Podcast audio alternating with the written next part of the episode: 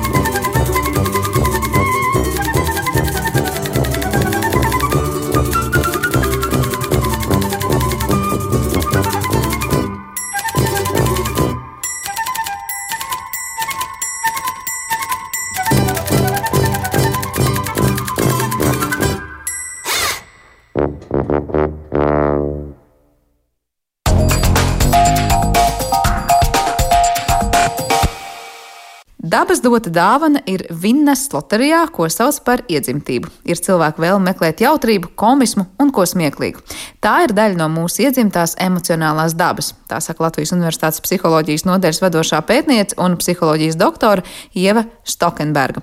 Kad humors kalpo kā aizsarga barjera, kad kā ierocis vai humora izjūta dažām tautām ir atšķirīga un vai atšķiras vīriešu un sieviešu humors, par to tad vairāk interesējās mana kolēģi Zane Lāca. Ziepes ir ķermenim, bet smiekli dvēselī, vēstīja ebreju paruna.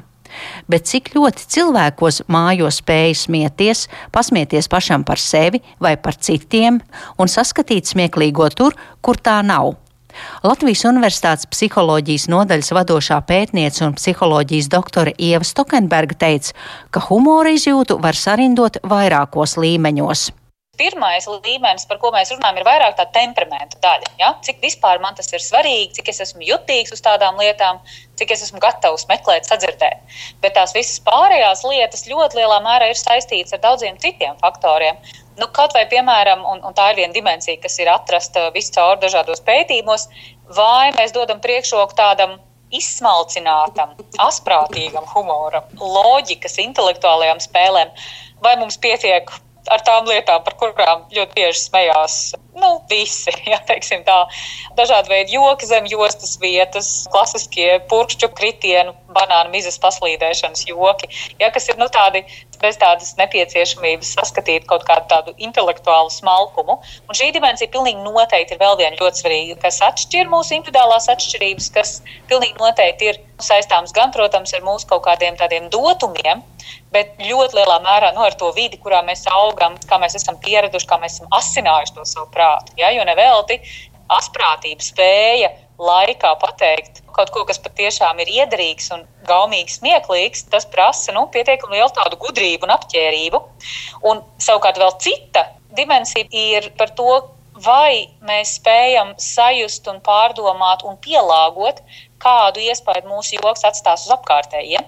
Jo varbūt cilvēki, kur ir izsmalcināti, atprātīgi, bet viņu joki ir indīgi, tie ir sarkastiski un tie iedzeļ ļoti, ļoti sāpīgi. Un tur mēs runājam atkal par tādu sakarību ar citām nu, cilvēka personības dimensijām, jā, ar tādu labvēlīgumu, cik daudz manus jokus vada morāli labi nolūki, vai arī es izmantoju šo savu dāvanu no dabas un no tādas pieredzes, ja, kas man ir kaldinājusi par asprātīgu īpatni, ka es to izmantoju, lai citus ievainotu.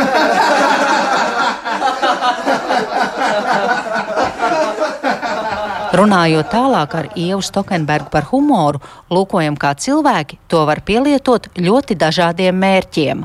Piemēram, viens no maniem tādiem mīļākajiem stāstiem ir par to, ka no seniem laikiem nu, mēs zinām arī nu, no Bībeles, ka jautrs sirds vai jautrs prāts ir labākās zāles. Vai dažādi nu, piemēri kultūrā par krietno kareivu šveiku, jā, vai par uh, Benīnī neaizmirstamo aktieri traģikomēdijā dzīve ir skaista, ja, kas koncentrācijas nometnē uzbūr caur komēdijas stāstu, nu, palīdz izdzīvot visgrūtākajos dzīves brīžos.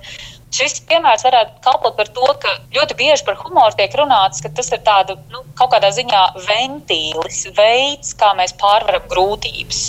Un tas uzvedinājis domu, ka ļoti bieži cilvēki patiešām izmanto kopīgu smiešanos, lai stiprinātu viens otru.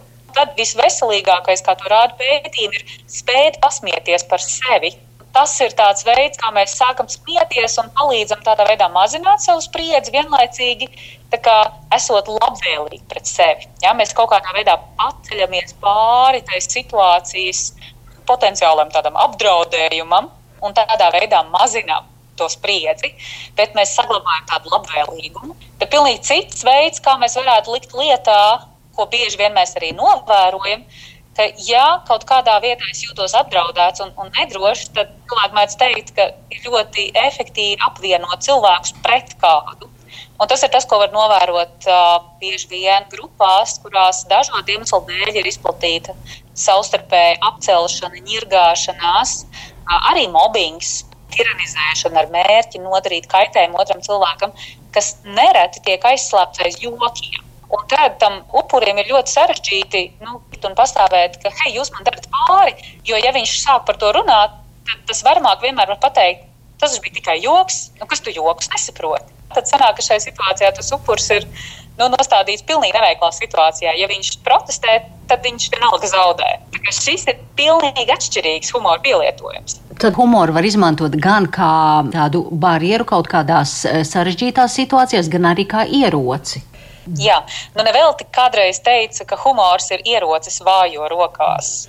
Ja man nav spēka ietekmēt situāciju, tad es vienmēr varu pasmieties par to. Un tad ir ļoti, ļoti svarīgi Un to arī rāda pētījumi, kā tas korelē ar mūsu tādiem garīgās veselības rādītājiem, ilgtermiņā ar mūsu labklājību. Ir diezgan skaidri un konsekventi pierādīts, ka, ja es izkopju paradumu un kā, nu, stiprinu sevī to īpašību, ka es varu pasmieties par situācijas absurdumu, vai es varu pasmieties par sevi tādā labdabīgā veidā, mēs varam kā, iegūt uh, tādu stiprinājumu sev, mēs varam tā labdabīgā veidā vairot savus resursus. Bet, ja mēs izmantojam humoru, lai kādu pazemotu, lai viņu ķircinātu, tad īstenībā tas ir stāsts par to, ka ilgtermiņā mēs Mēs, protams, nodaram kaitējumu tam otram cilvēkam, kurš ir ticis kaut kādā veidā ievainots vai aizskarts, bet mēs arī ilgtermiņā riskējam paši sev sagādāt mazāk atbalsta iespēju, Jo cilvēki, kuri bieži izturās pret citiem sarkastiski, varbūt pat cīniski,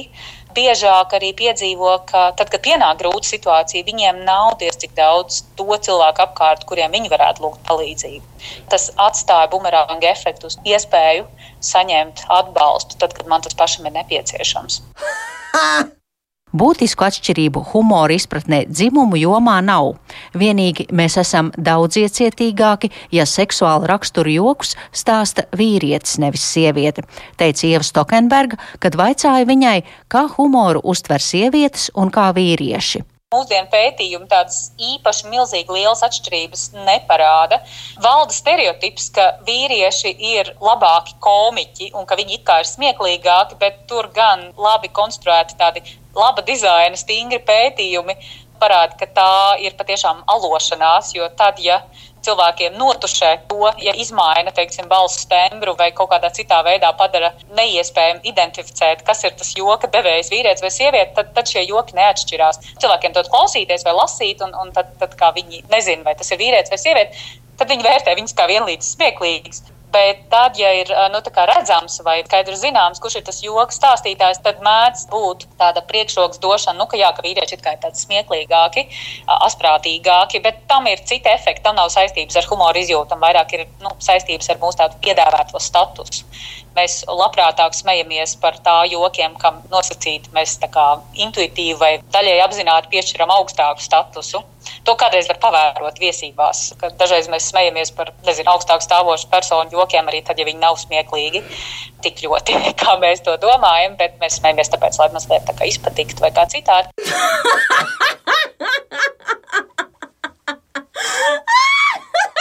Bet kā ir ar dažādām tautībām? Vai te ir atšķirības, kā katra nācija uztver jokus? Humora pētnieki, tie, kas ir pētījuši dažādas tautas, tādā starpgrupu salīdzinājumā, protams, ka atrod zināmas atšķirības, bet šīs atšķirības faktiski vairāk ir tajos narratīvos, jeb tajos stāstos, par ko smejas tur mēdz atrast nu, teiksim, zināmas sakarības, kāpēc teiksim, politiskais humors, politiskās anekdotas. Tie, kas ir uzauguši padomju laikā, lieliski atcerās, ka anekdotas par Brežņēvu bija atsevišķa folkloras kopa kas faktiski nekad gandrīz nemaz nav atrodams demokrātiskās sabiedrībās. Tā kā acīm redzot, ir zināms tas kultūras konteksts, kurā nav nepieciešams šis humora ventīls, lai ar to ventilētu, ne, izrieģētu kaut kādas mūsu izjūtas, mazinātu spriedzi. Mēs varam to izteikt tiešā veidā. Līdz ar to es teiktu, ka tie mēģinājumi atrast tādas principiālas atšķirības, nu, ka, teiksim, angļiem ir, ir labāka humora izjūta nekā, es nezinu, vāciešiem, īsti tā nevar teikt, jo visbiežāk jau mēs tomēr runājam par kaut kādiem tādiem nāciju stereotipiem. Un ja mēs paņemam vienu tādu vidējo eh, aritmētisko Angliju vai vidējo aritmētisko vācieti vai vidējo aritmētisko latvieti, viņš jau nav diez cik līdzīgs tam tam cilvēkam, kurš ir anekdotē, ka krogā ienāk anglis, vācietis un krievs. Tie nav tie paši cilvēki. Līdz ar to drīzāk vairāk tās atšķirības starp dažādām valstīm ir meklējums tieši tajā saturā. Par humoru un humoru izjūtu stāstīja Latvijas Universitātes psiholoģijas nodaļas vadošā pētniece un psiholoģijas doktore Ieva Stokenberga, un ar viņu sarunājās mana kolēģe Zane Lāce. Bet raidījuma turpinājumā es šeit runāšos ar cilvēkiem par organizāciju komunikāciju un kā attālinātā strādāšana to ir ietekmējusi.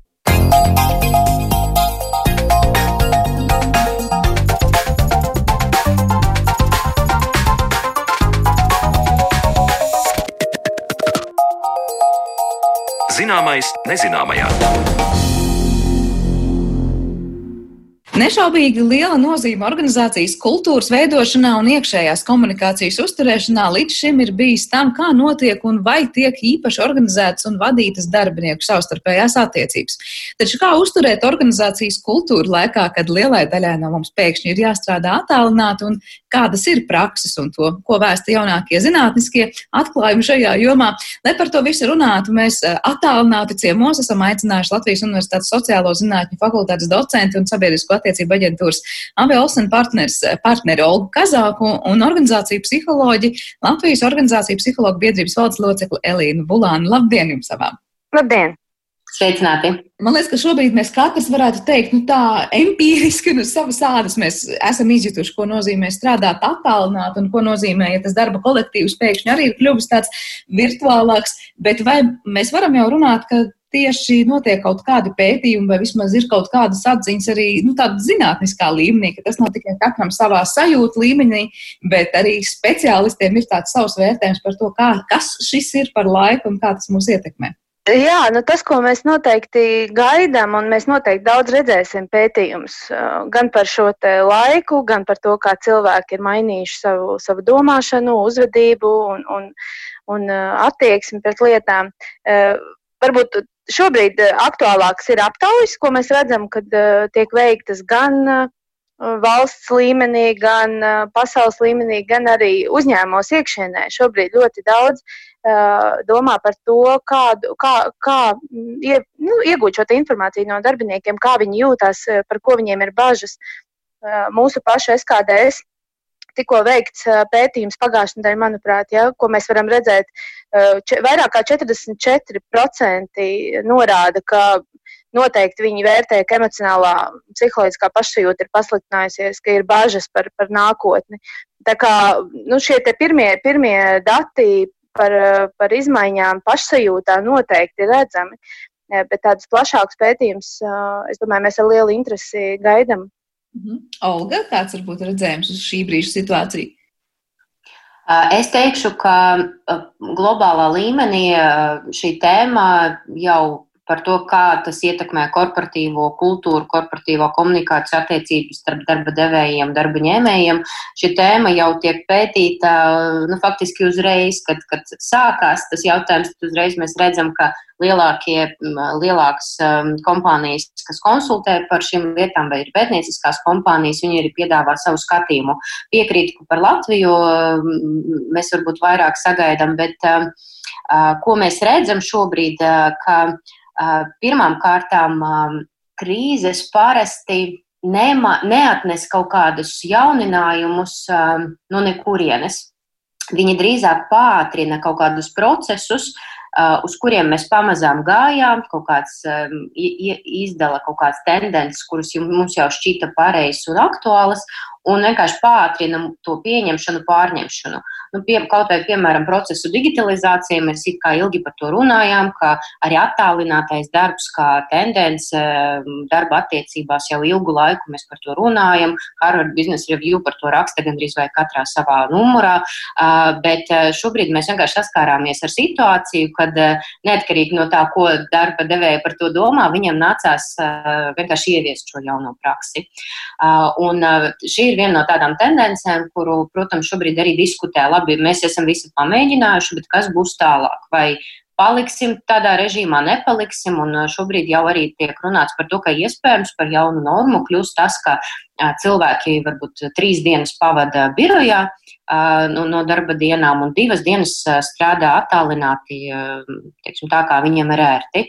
Tas ir viens no tādiem aspektiem, kas ir svarīgs. Otrs aspekts, bet mēs par to arī runājām jau pirms Covid laika, bet šobrīd redzam, ka tas ir pastiprinājies ir saistīts ar to, ka darbinieki, cilvēki, kas strādā organizācijās, viņi sagaida no organizācijām daudz vairāk nekā vienkārši darba vietu, atalgojumu, bet viņi jau šobrīd sagaida arī to, ka um, vadība un darba vieta arī um, risinās uh, viņu kaut kādus sociālos, nu ne tikai viņu, bet arī sabiedrības sociālus jautājumus, atbalstīs viņus arī psiholoģiski. Un to mēs arī šobrīd jau redzam uh, jau pieminētajos pētījumos, ka darbinieki jutās varbūt nepārāk stabili.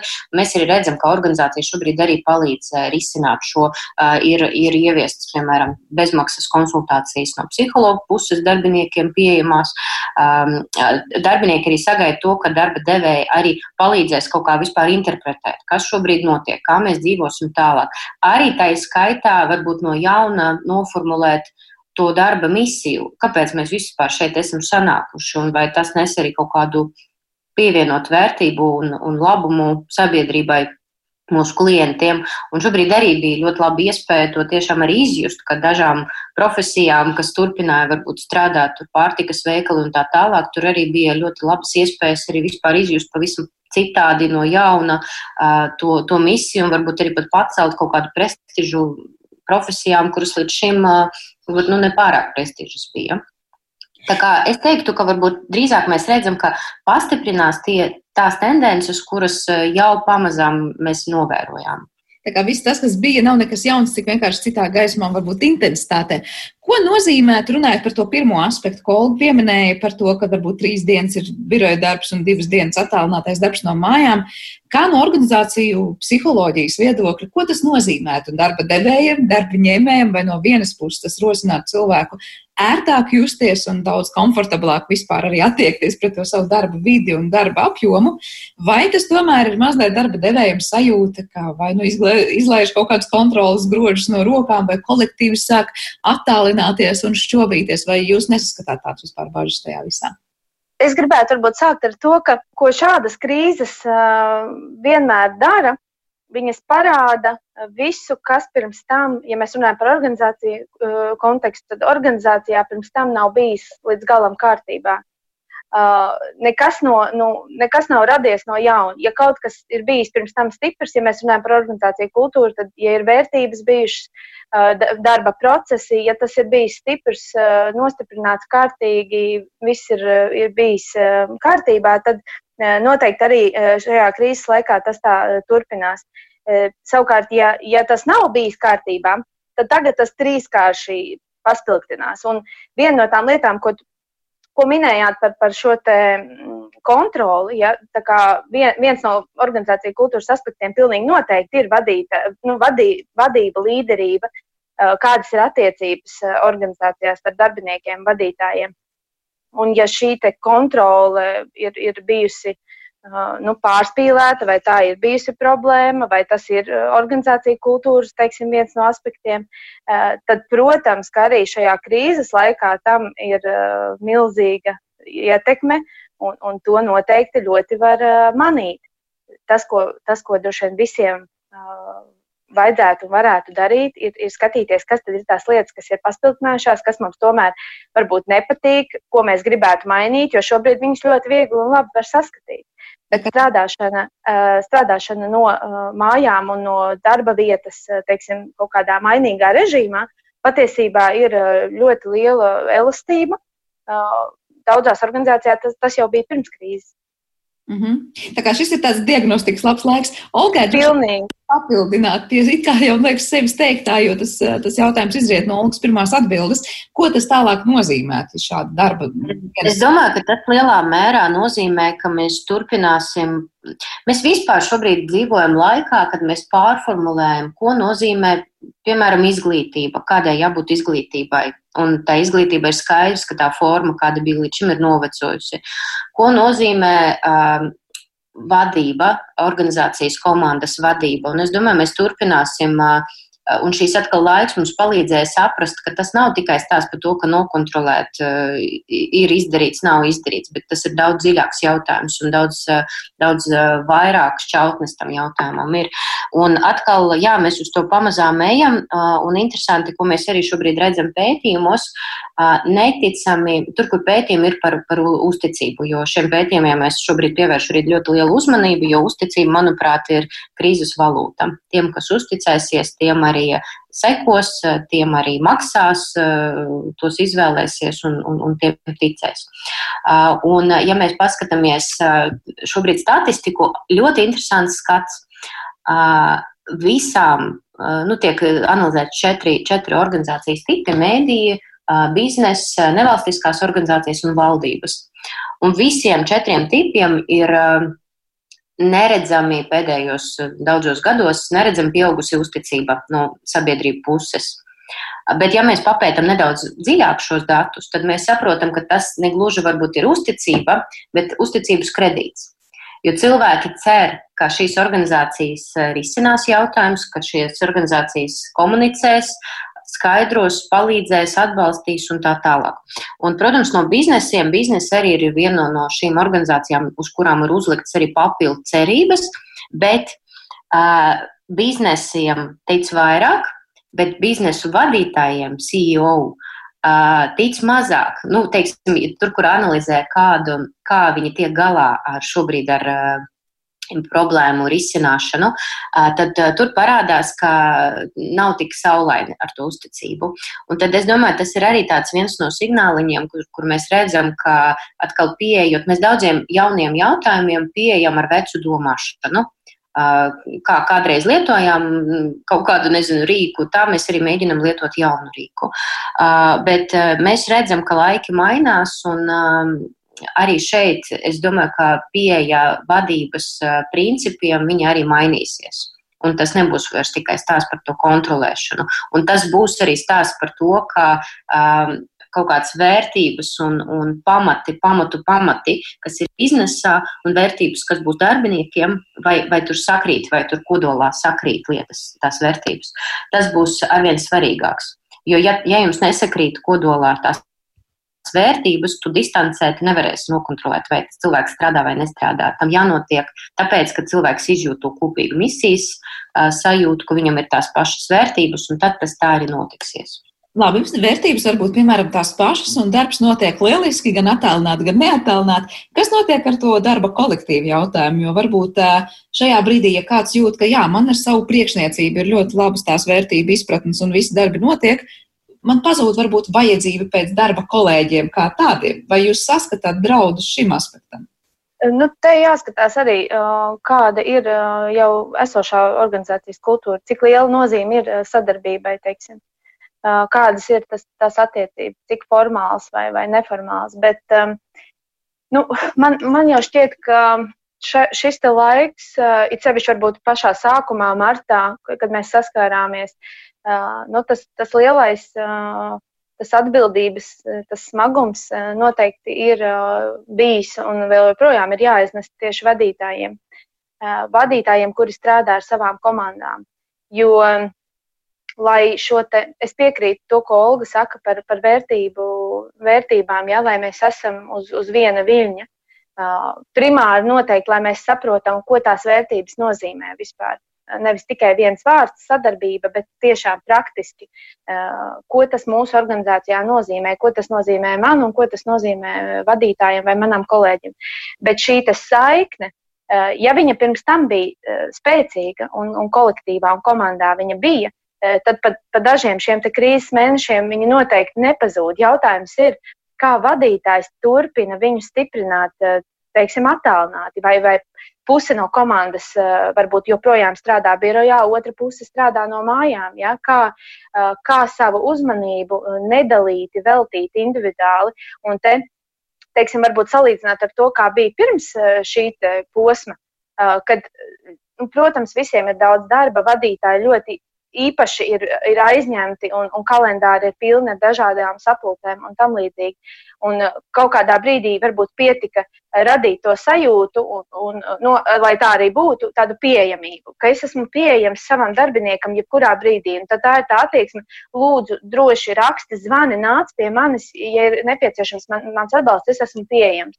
Šobrīd, krīzes laikā, ar to vairs nepietiek vadītājam nepietiek radīt šo pieejamības sajūtu. Vadītājam ir jābūt proaktīvai, iniciatīvai, uh, kontaktēties ar darbinieku, ja, veltīt šo individuālo laiku sarunām. Tātad, tas nozīmē speciāli ieplānot laiku kalendāros, vai tā ir Zoom, vai Skype, vai jebkura cita saruna ar katru darbinieku. Un, un, protams, pēc tam var saprast, kuram to vajag vairāk, kuram mazāk. Jo tas, ko mēs varam ikdienā, birojā, pie kafijas, liftā, nezinu, kāpņu telpā, pēc sejas jau redzēt, ja, vai pēc attieksmes, vai pēc Eh, balss toņa, ka es jūtu, ka manam kolēģim nu, kaut kas nav, kaut, kaut kas ir noticis, vai manam darbiniekam. Šobrīd jau tas vairs eh, nu, nav iespējams. Eh, tātad mums ir jāvelta speciāls laiks, lai komunikācijas rezultātā sajustu, vai viss ir kārtībā, vai nav kārtībā, un kā man reaģēt. Bet atkal no vienas puses, pirms es dodu vārdu Olgai, kur droši vien jau par daudziem jautājumiem šobrīd ir ko teikt, papildinot to, labi, ja mēs redzam pie lifta vai kaut kur pie kafijas kolēģi vai priekšnieku un uzreiz saprotam, mums ir ko teikt, nav ko teikt, pārmējot kaut vai piecus teikumus, sapratām, viss ir izrunāts, viss ir kārtībā, tad tagad varbūt mākslot veidojot tādu to pašu Zoom sazvanu vai Skype sarunu vai ko citu, nav tas risks, ka mēs pārslogojam visi viens otru ar to būšanu tajā Zoom vidē, un proti, jebkas, ko var uzrakstīt e-pastā vai vienkārši atrakstīt īsiņā, mēs pārvēršam par tādu kārtīgu sarunāšanos, kur beig beigās mēs visi esam noguruši. Risks noteikti ir.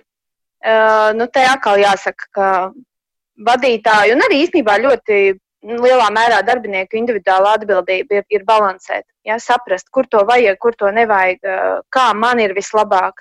Uh, pat ja vadītājs, teiksim, inicē šo sarunu, es jau saprotu, vai, vai, vai man vajag, vai mēs varam ātrāk izrunāt un, un speciālu stundu nerunāt. Risks, protams, pastāv. Un, un īsnībā nu, tas ir vēl viens temats, ko es labprāt arī pēc tam papildinātu par šo pārstrādāšanos, jeb izdegšanu ko mēs arī redzam organizācijās, ka šis jautājums krīzes laikā patiesībā aktualizējas. Iepratim varbūt tam, ko mēs bijām eh, nu, domājuši, ka drīzāk kontrole pastiprināsies, un, un ja cilvēks nav birojā, tad visticamāk jau eh, mazāk strādā. Īsnībā tas, ko mēs daudzās organizācijās redzam, ir tieši pretēji.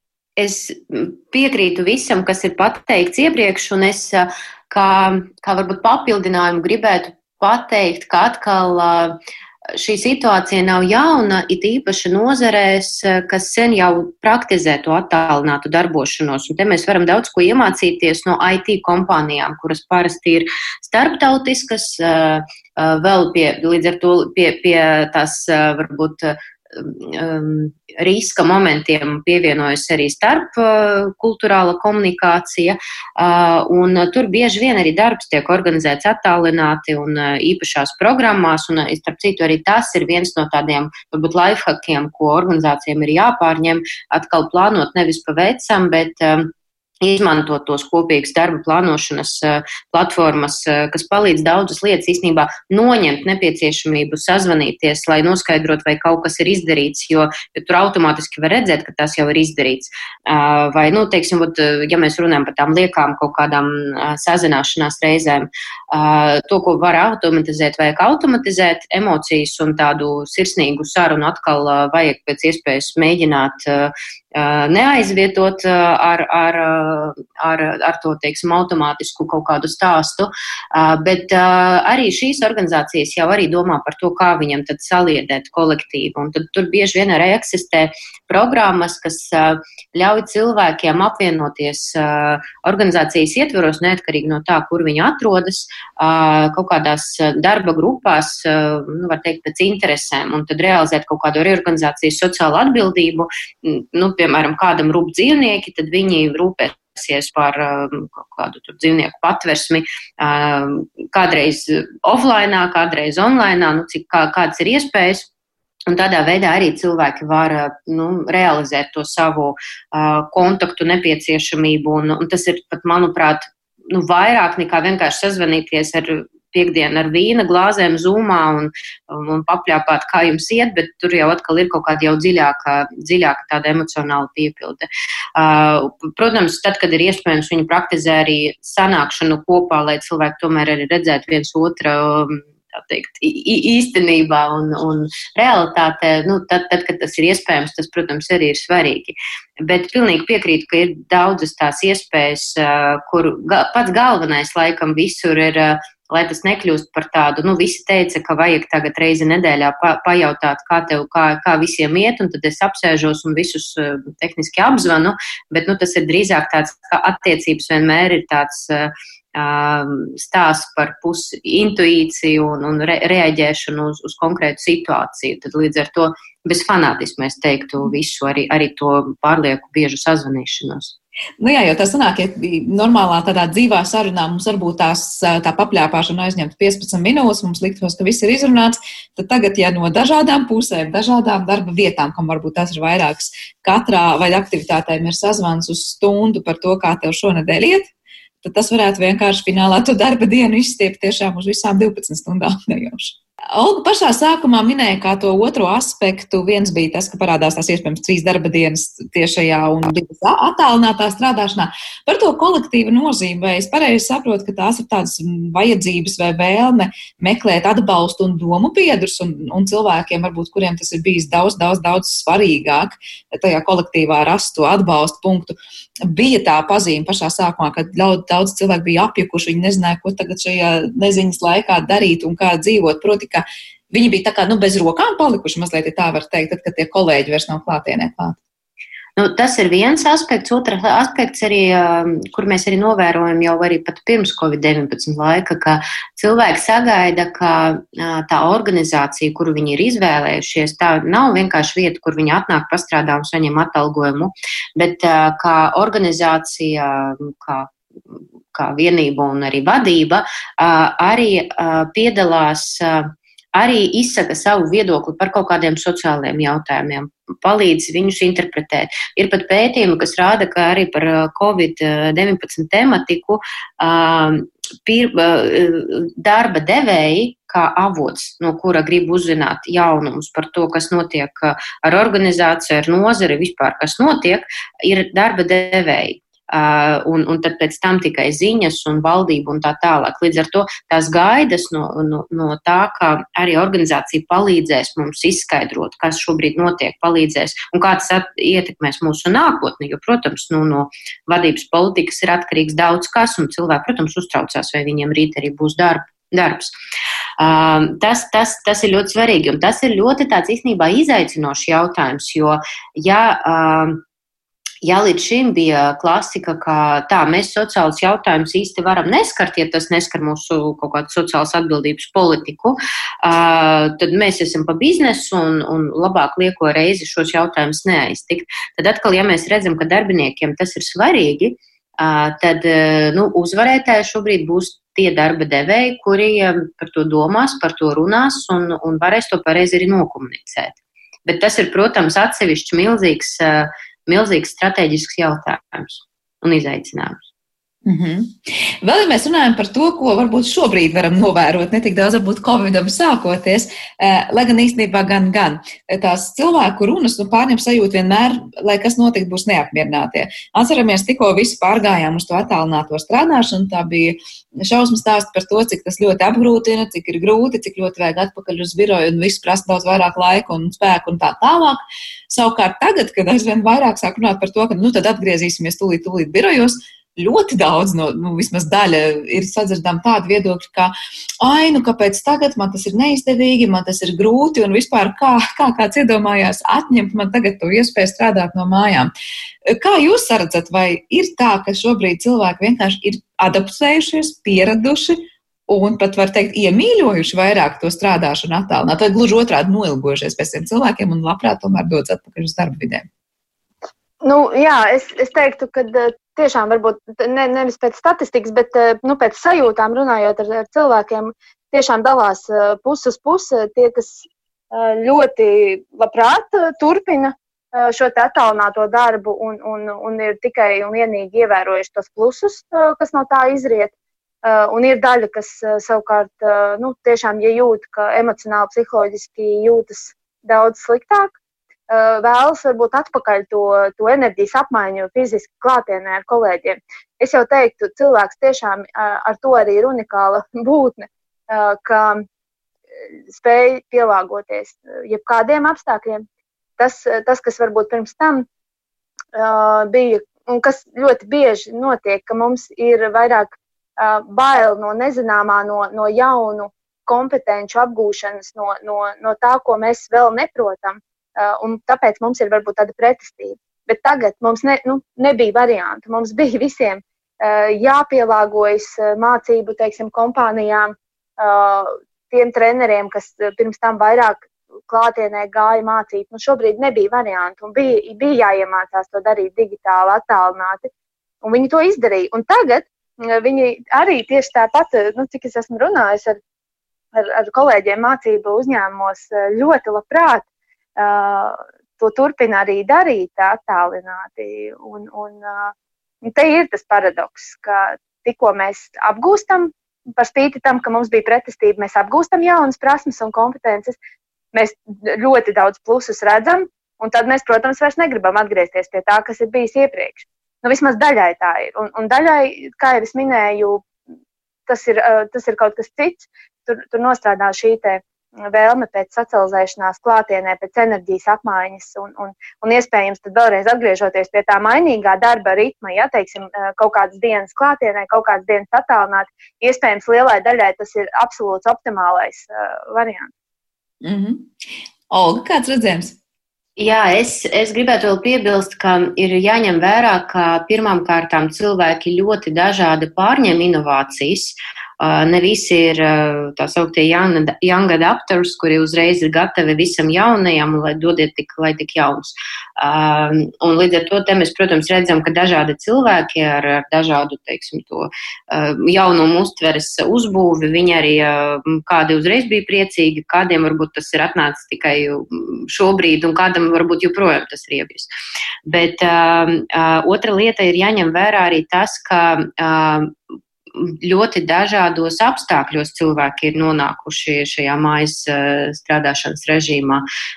Pasakiet trīs bērnu mammai, kurai vēl bērni mācās attālināt skolā un viņi vēl attālināt strādā, cik forši ir strādāt no mājām, tur piedalīties challenge'os, kā es vienā reklāmā dzirdēju, cik forši, ka piedalāmies challenge'os.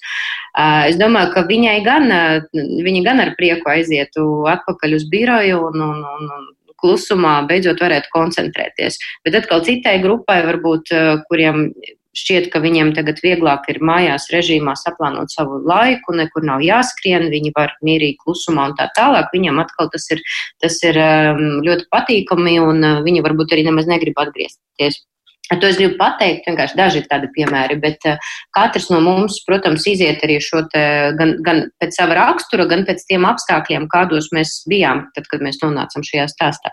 Līdz ar to man liekas pats galvenais, lai arī darba devēji šobrīd būtu gatavi elastīgi rēģēt uz to un varbūt tiem, kas var palikt turpināt strādāt no mājām un tas neietekmē negatīvi darbu un uh, Viņi arī to grib darīt, varbūt nodrošināt viņiem tādu iespēju un nodrošināt arī iespēju droši atgriezties darba vietā tiem, kas labprāt gribētu būt tepat birojā ar kolēģiem.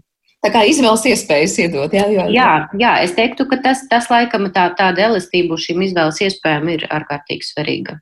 Mhm. Noslēdzot šo sarunu, kā jūs redzat, kā tālāk visa šī krīze, kā mēs to esam nosaukuši, gan jau, ko jūs arī teicāt, iezīmē dažādas lietas, iezīmē, var teikt, kā tādu diagnostiku, kas bija, kas nebija kārtībā un pie kā labāk strādāt, mainīs vispār to tālāko mūsu komunikāciju vai socializēšanos. Mums pazudīs vispār vajadzība un vēlme uz kaut kādiem citiem lielākiem organizēšanās pasākumiem, ja jau tas izpaliek darba vidē, nu, ka tas mainīs vispār to, kā cilvēks savstarpēji komunicē. Kāds ir tas jūsu tālākais skatījums, kāda pasaule un komunikācija? Komunikācija mūs sagaida nākotnē? Uh, nu, es domāju, ka turpinās attīstīties tās tendences, par kurām mēs šodien jau arī runājam. Uh, no otras puses, uh, varbūt neiesim galējībās. Uh, protams, tad, kad notiek šādas lietas, tad, tad tik lielas krīzes, tad vienmēr mēs dzirdam, ka dzīve vairs nebūs tāda kā iepriekš. Uh, nu, varbūt uh, kaut kādās izpausmēs, formās arī nebūs, bet pa lielam dzīve turpinās. Un uh, nevelti tomēr arī tādas varbūt prognozes par to, ka biroja vairs neeksistēs. Es pagaidām arī tā visai skeptiski skatos, jo uh, nevelti mēs uh, ilgus gadus Eiropā esam gājuši uz to, lai mums būtu atdalītas zonas, kur mēs dzīvojam, kur mēs guļam, kur mēs strādājam un kur mēs darām kaut ko vēl. Uh, jo nu, tam tomēr ir uh, ne tikai varbūt telpiska nozīme, bet arī tāda dziļāka psiholoģiska un kulturāla nozīme. -hmm. Līdz ar to tik viegli, es domāju, mēs no tā arī neatteiksimies, bet noteikti būs kaut kādas, mēs, mums ir lieliski, mums bija lieliska iespēja, tā teikt, pagaršot daudzas lietas, par kurām mēs varbūt pagaidām tikai daudz, ļoti daudz runājām gudrās konferencēs, vai arī no kurām mēs baidījāmies daudzi. Un nu, pa, pa, paskatīties, ka nemaz nav varbūt tas tik sarežģīti un traki, vai arī atkal otrādi saprast, ka nē, īstenībā tas nav priekš manis. Es, piemēram, priekš sevis, es biju pārliecināta, ka es esmu um, vislielākais introverts, kādu vien iespējams atrast, un man strādāšana no mājās būs tiešām lieliskāka iespēja, bet eh, beigās eh, es sapratu, ka nu, man jau vismaz tur pāris reizes nedēļā kaut kā vajadzētu iznākt arī uz biroju. Līdz ar to. Jā, līdz ar to nu, es domāju, ka mēs daudz ko atklāsim gan par sevi, gan, gan par mūsu kultūrām. Tur, es pilnīgi piekrītu un vienkārši skatīties, kā mēs varam to izmantot, nu, lai varbūt eh, defektu par efektu pārvērst, jo šobrīd tiešām daudz kas eh, arī ir, ir risināms. -hmm, paldies! Elīna, noslēdzošie vārdi nevelti pieminēt gan psiholoģijas aspektu šajā visā, un ko pārņemsim, ko atmetīsim un kā tālāk dzīvosim. Jā, interesantākais ir tas, ka mēs tiešām neviens nezinām, kas būs tālāk. Un, un, un, uh, un tas ir skaisti patiesībā. Daudzas lietas vienkārši nezināt, kā, kā būs. Um, un pieņemt to, ka mēs nezinām. Tas, ko, ko varbūt es ieteiktu, un tīri no, nu, no tādas uh, pašu attīstības, nu, paņemt šo laiku, kas ir bijis un, un kas tagad ir, uh, paņemt visu maksimālo, katram sev individuālā, līmenī, pēc tam arī organizācijas līmenī, saprast, ko tad šī krīze ir manā dzīvē izkristalizējusi, manās, manā attieksmē, man, kādas emocijas man ir parādījušās, varbūt kaut kādas emocijas, ko es pirms tam esmu mēģinājis nospiest, neredzēt, nejust, un, un tagad, tagad viņas ir pilnā spektrā. Kas ir tās lietas, kas nu, tik spilgti ir parādījušās, ko es pirms tam negribēju vai, vai vienkārši neredzēju? Jo tā ir katram mums un organizācijai kopumā iespēja nu, tiešām attīstīties. Un, un organizācijas kultūras kontekstā viennozīmīgi visas tās lietas, kas pirms tam nebija sakārtotas, tagad ir ļoti labi redzamas. Uh, uh, vai labāk redzamas. Nu, tas nozīmē, ka, ka ir laiks viņām ķerties klāt. Uh, un, un vienkārši papildinot uh, tiešām to, ko Olga teica, man ļoti, ļoti pretēji. Jo man pirms tam likās, ka es nevaru strādāt viena pati. Man, man ir nepieciešama organizācija apkārt kolēģi. Tad šis laiks strādāt attālināt no mājām man ir, man ir sevi parādījis un atklājis pilnīgi jaunu pusi, ka man pat ļoti labi patīk un es labi jūtos. Tā kā tas ir ļoti interesanti. Jā, nu nenoliedzam klausoties jūsos abās, liekas, tas ir tik interesants laiks, kurā mēs šobrīd dzīvojam un pēdējos mēnešus esam pavadījuši, ka ņemsim no tā, protams, to labāko un izkristalizēsim sev tās idejas, ko tālāk paturam, ko atmetam, un pavisam noteikti iepazīstam, izrādās arī sevi un savu darbu vidi daudz labāk. Paldies jums par šo sarunu. Dzirdējām Latvijas Universitātes sociālo zinātņu fakultātes docentu un sabiedrisko attiecību aģentūras Avi Olsen partners, partneru Olgu Kazāku un organizāciju psiholoģi Latvijas organizāciju psihologu biedrības valdes locekli Elīnu Bulānu. Ar to arī raidījums ir izskanējis. Paldies jums visiem par klausīšanos. Par to parūpējās producents Armīta Kolāta, mūzikas redaktors Girds Bišs un arī jums kopā šeit bija Sandra Krapa. Uztikšanos! Zināmais